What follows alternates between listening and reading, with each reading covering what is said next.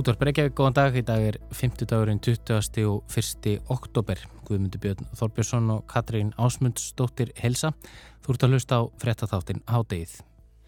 Ósköp venjuleg bandarísk útkverfa hjón voru handtikinn fyrir mánuðinum á heimili sínu í Marilandi bandaríkjunum og ákjær nú á þriðudaginn fyrir að vætla að selja upplýsingar um kjartnorku krúin, kjartnorku knúin herskip til erlendra ríkja.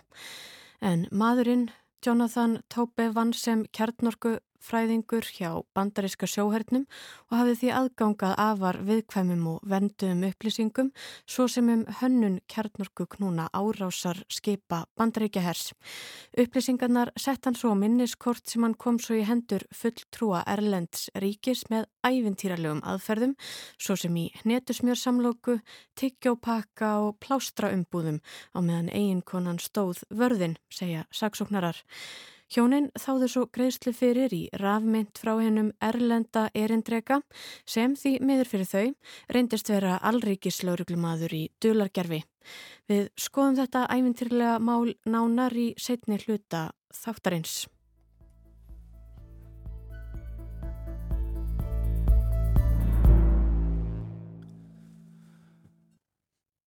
En við byrjum á allt öðru. Colin Powell fyrir um þeirra bandaríkina lest af völdum COVID-19 nú á dögunum en hann skilur eftir sig ef markam á umfjöldun flestra bandarískra fjölmila ansi glesta arfleith. Hann var fyrsti svarti þeirra bandaríkina, fjúrastjórnu hersöðingi og maður sem margir spáðu því er þið fyrsti svarti fósettin.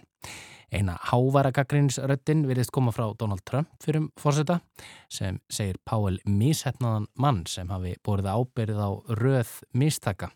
En hver var Colin Páel í raun og veru og hvaða hlutirk lekan í Íraks stríðunum tveimur og ja, hvernig ætti fólk að minnast hans? Gunnar Hafn Jónsson, bladamæður og sérfræðingur í málefnum með Östurlanda, hann hefur kynnt sér þetta mál og hann er komin ykkar til okkar. Velkomin Gunnar. Takk. Gunnar, ef við byrjum bara aðeins á manninum, Colin Powell, hver var mm. hans bakgrunn? Hann átti áhugaverðan bakgrunn, fóreldra hans komið frá Jamaica upp úr 1930, hann fæðist 1937, var uh, 84 ára þegar hann lest og elst upp í Harlem í New York sem nú, var nú ekki gott hverfi á þeim tíma.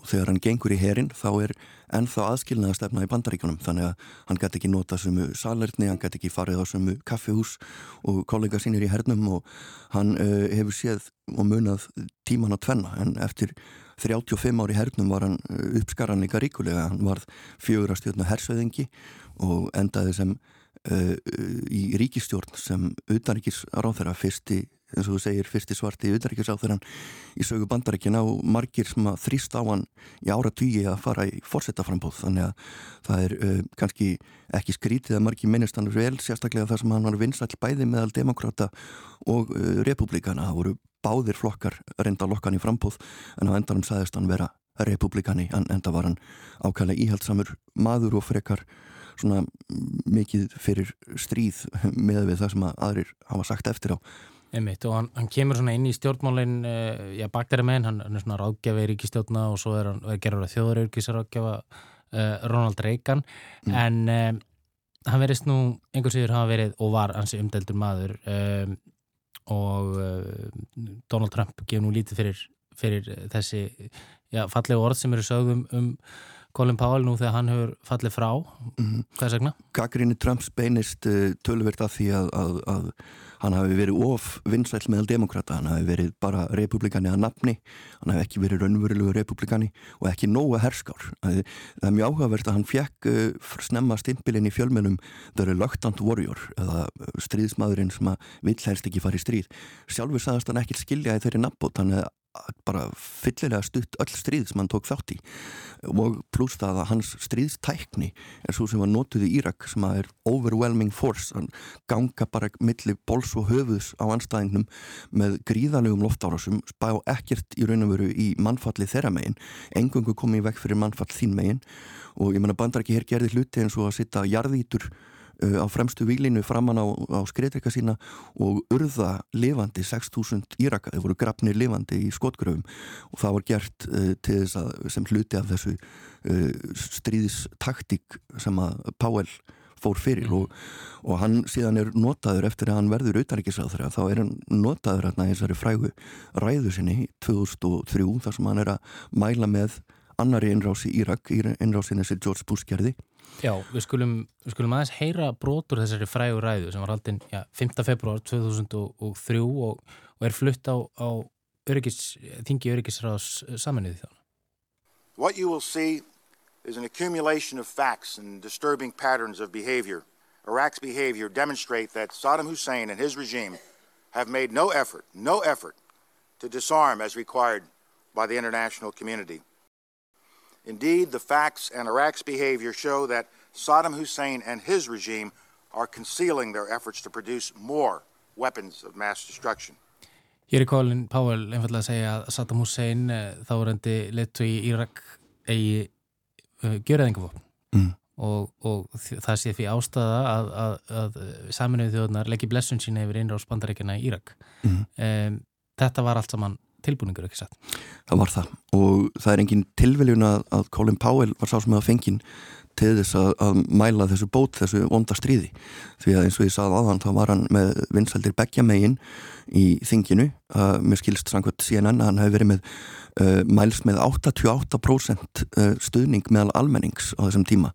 88% aðspurður að sögðist líka vel við Colin Powell. Uh, eftir á var líka reynilega hægt að nota þetta sem átillu. Demokrater og, og, og aðrir sem er ekki vilja ekki kannast sérstaklega við að hafa stutt stríðið í dag segja ég menna auðvitað kausi með stríðunum fyrst að Colin Powell af öllum mönnum var að mæla með þessu. Ég menna maður lítur að treysta Colin Powell. Þannig að hann seldi í raun og veru mannorsitt í þetta stríð og Donald Rumsfeld talaði um það að það erði að vera einhver eins og Powell sem að myndi selja þetta, það mætti ekki vera harlinumadur úr republikunum það mætti ekki vera einhver sem er þekktur fyrir að vera herskár heldur er það að vera þessi reluctant warrior svo kallaði sem að Colin Powell saðist sjálfur aldrei vera. Hann saðist bara stiðja almennt að, að ganga hart fram gegn einræðisharum. Nú er talað um að, sko, þessi ræða einu sér hafi ekki, hafi ekki haft úslit árið Bush uh, þá vorundi fórseti hafi þegar verið búin að ákveða að ráðast inn í Írak uh, mm. en hefði, hefði hérna, Colin Powell tekið afstöð þarna og sagt bara, heyrðu, ég, ég teki ekki þátt í þessu. Hefði það mögulega haft einhver áhrif? Það er náttúrulega hinliðin á teiningnum. Fyrst hann hafði uh, þeim á svona mikið í mun að fá hann til að vera andlit þessa, uh, þessara ræðu. Þá hugsa maður með sér, hvar, hvað hefur þá gerst ef að akkurat öfuga hefði gerst? Ef að hann hefði bara sagt upp, haldið bladamannafund og sagt, við erum á leiðinni í stríð sem byggir á á fölsuðum upplýsingum að því að það er mjög margt, ég menna við höfum ekki tíma til að fara í gennum ræðuna lið fyrir lið sem hafa 72 mínútur en hann, það er mjög margt sem er bendið til þess að hann hafi vitað að hann var að ljúa, að minnstakosti um margt hann, hann skáldar sam, samband á milli Íraka og uh, Sarkavi sem hafa reyðverkamæður á sínum tíma, hann býr til í raun og veru þannan Sarkavi og hann sem hafa varð setna leiðtóið þess sem að setna var Ísis og hann er raun og veru proppar hann upp í þessari að minnist á hann 21 sinni á 72 minutum þetta nafn Sargavi sem enginn aðeins eirt áður. Og hann býr í raun og veru til þarna þess, þetta narratíf þessa sögu sem hann var notuð til að ráðast á, á Írak og hann hefði, þú veist, með því að vera andlit hins gangstæða, með því að standa upp og segja ég var skipaður í ríkistjón, hérna, ég hef aðgang á upplýsingunum sem þessi ríkistjón hefur ég treyst henni ekki og þú veist, ég er bara alltaf að segja mig frá þessari ríkistjón út af því að þetta er, er svo alvarlegt mál. Hefði það stoppast stríð, ekki endilega en það hefði komið veg fyrir að það hefði verið samþygt með þeim hættis að það var gert.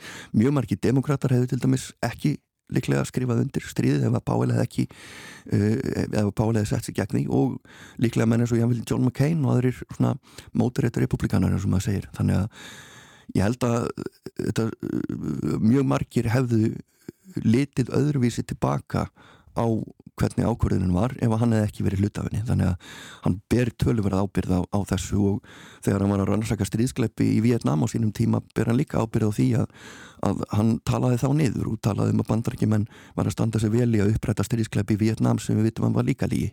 Einmitt. Kæra þakkir fyrir komuna í hátið Gunnar Rapp, við komumst ekki lengra uh, þessu sinni en það er þú verðt að nefna Colin Powell átti eftir að segja að hann já, sá eftir þessu öllu saman, hann sá eftir að hafa haldið uh, þessa ræðu en háttegið snýr aftur strax lóknum háttegisveitum.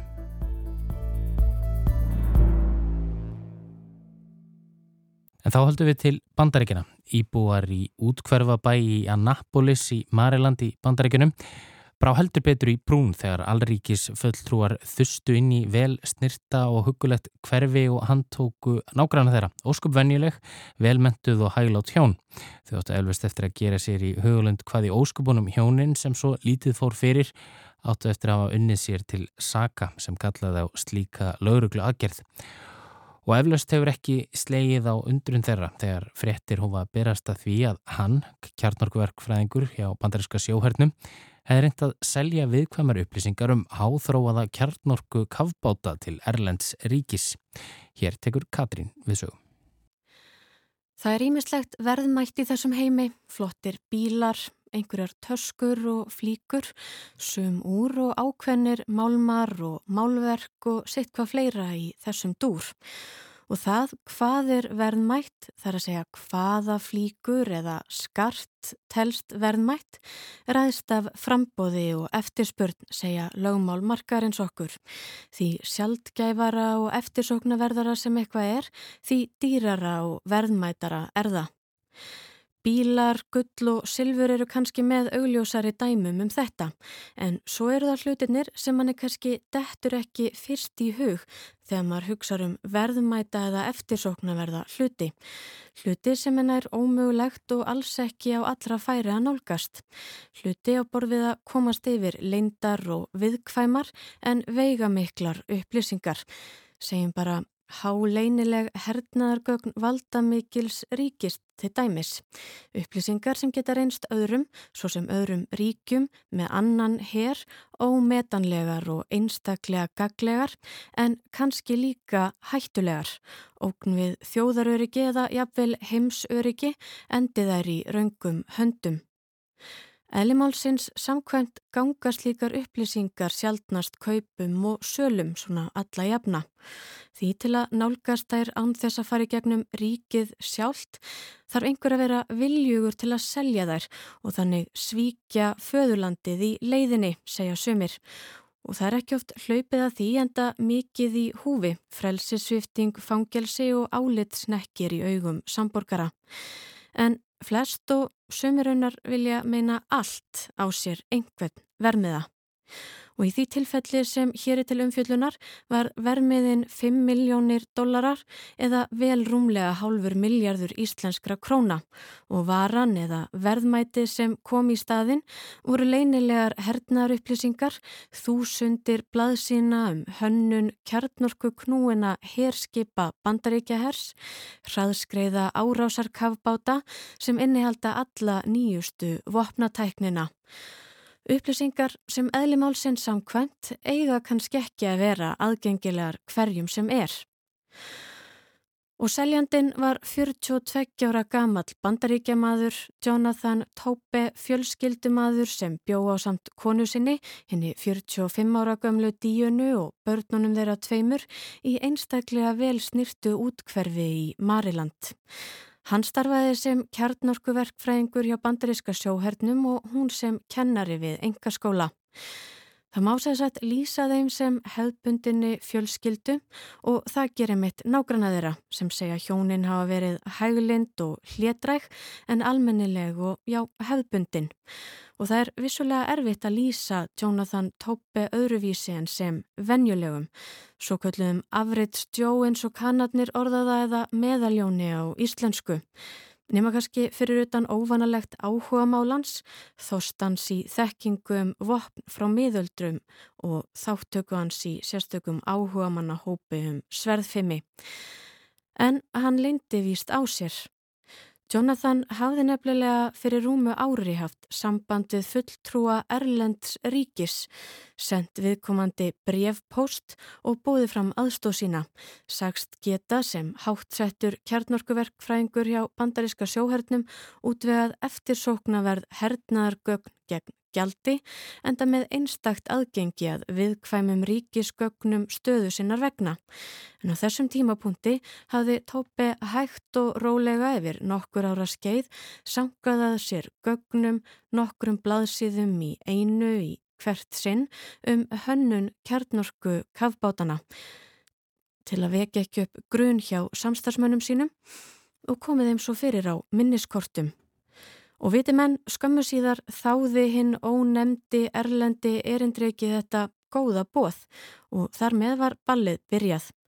Nú þurfti Tópi bara að koma minniskortunum á fulltrúan, ná að skilja þau eftir einhver staðar fyrir hann á velvöldum stað og anþessa eftir því væri tækið, tekið.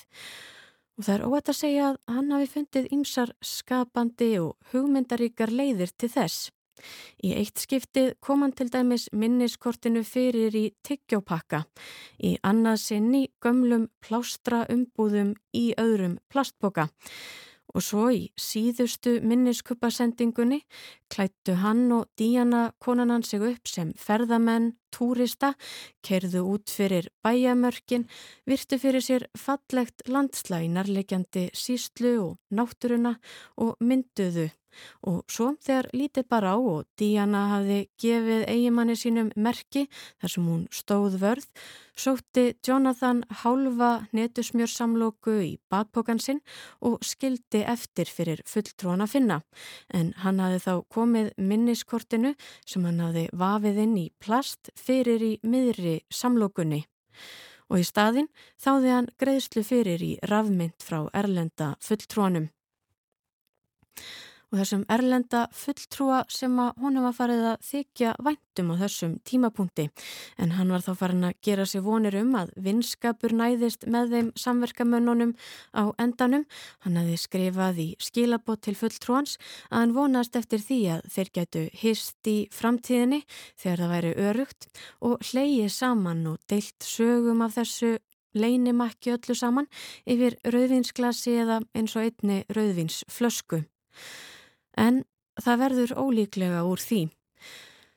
Því þegar hjónin snýru heim úr þessari vettvangsfersinni 9. oktober beigð þeirra allríkis lögreglan og þau voru handtekinn.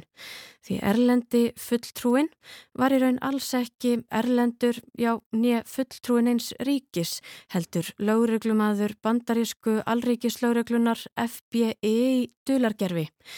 Hann hafði fylst með hverju fótmáli toppi frá því að hinn upprunalegi og sanni erlendi fulltrúi hafði gert allríkislauruglunni viðvartum tilbóð toppi sem hafði þá borustónum í brevposti. Alrikiðslauruglunni hafði því tekist að sanka að sér og sapna saman umfangsmikilli pappírslóð, minnismiðum, brefasendingum, skjölum, gögnum, myndböndum og efni úr eftirlitsmyndavélum og þau hafðu nánast skrásett þessa ótrúlegu leinimaks njóstnar tilraun þessa annars vennjulega manns og konu hans. Njósnatilrun sem lauruglufulltrúarnir lýsa sem amatörlegri, einstaklega klauvalegri og mísefnaðri. Og hjónin hafa því nú verið ákerð til dæmis fyrir njósnastarsemi og fyrir að selja hernaðarlendamál úr landi, glæpi sem varða lífstíðar fangelsi verið þau fundin seg. Á þriðjudaginn, sérsagt í gær, uh, nejá, afsækið, í gær á miðvíkudaginn heldu hjónin þó bæði fram sagleysi sínu fyrir allríkistómara í vestur Virginíu en þá fóru fram gæsluvars réttarhöld í málið þeirra. Jonathan ákvað þó að frista ekki gæfunar og sætta sig við að sitja í varðhaldi fram að hinnum eiginlegu réttarhöldum en Diana vill fá að ganga frjáls á meðan reyndir á málið fyrir domstólum. Dómari hefur þó ekki gefið út hvort hann ætla verða við þeirri óskeður ei. En frá handtöku hjónana og fram að því að fjölmiðlar hófi að fjalla um mál þeirra hafa ófáar spurningar vakna meðal almennings og margir veld fyrir sér tilefninu hvað í ósköpunum hafi geta fengið svo vennjulegan mann til að taka þá ákverðun einn vinnudaginn að reyna að sapna saman og selja svo háleinileg hernaðargögn úr landi, vitandi hvaða afleiðingar það gæti haft í för með sér. Og ymsum kenningum hefur verið veld upp. Til dæmis hvort hinn farsælu hjón sem virtust lifa hinn um ameríska útkverfa draumi hafi raunar verið í fjárhagskrökkum og peninga þörf hafi því verið kvatin. En hjónin þrátt fyrir að vera kannski ekki einstaklega auðug eða meðal svona 1% sinns virtust að minnstakosti lifa ágætis og áhyggjulausu lífi en kannski var það ekki raunin eða kannski var það ekki nóg. Aðrir telja þó ego kjarnan í málinu að Toppi hefði kannski viljað sína og sanna að hann væri ekki þessi höfbundni maður, hann væri í raun einstakur maður sem þrátt fyrir að virðast ósköp vennjulegur á yfirborðinu, gæti gert og framkvæmt og komist upp með ótrúlegustu hluti. Hann væri klárari en allir hinnir, öðruvísi, sérstakur og valdmikill. Kanski höfðu hjónin einfaldlega fengið nóg, fengið sig full sött af því að vakna mótnana halda til vinnu, borða kvöldmatt fyrir framann sjónvarpið, tannbusta, fara svo að sofa og endur taka þetta sama ferli dag eftir dag eftir dag eftir dag, orðin leið á einhæfu hverstegisins. Og kannski vantaði þeim bara tilbreytinguna spennu, æsing og áhættu það mikið að landráðvirtist skárri kosturinn af tveimur. Í því fælist tækifæri til að vera einhver eins og í spennu þáttunum sem maður sér á Netflix sem segja okkur og sína hvaða er töff og smart, auðvelt og eftirsóknavert að gera það sem ekki má, sérstaklega í samfélagi sem kannski bæði upphefur glæpi, nýtir þá sem afþreyingarefni og metur fræð og frama hátt og fram yfir mörg önnur gildi og hvernig því getur fyllt ákveðin upphafning að skera sig úr, til dæmis jafnvel þótt maður fremji til þess glæp því allræmi er jú líka fræð. Hvernig það að gera það sem ekki má getur líka þýtt að maður verður að manni, áður ósýnilegur maður verður þekktur ekki bara einhver heldur einhver. Og sama hver fórnakostnarinn er er það jafnvel skára. Skára að vera á allra vörum í útastáttum og til umfyllunar í fjölmiðlum eða hver veit nema að sé ekki bók á leiðinni og jafnvel Netflix-seria í undirbúningi.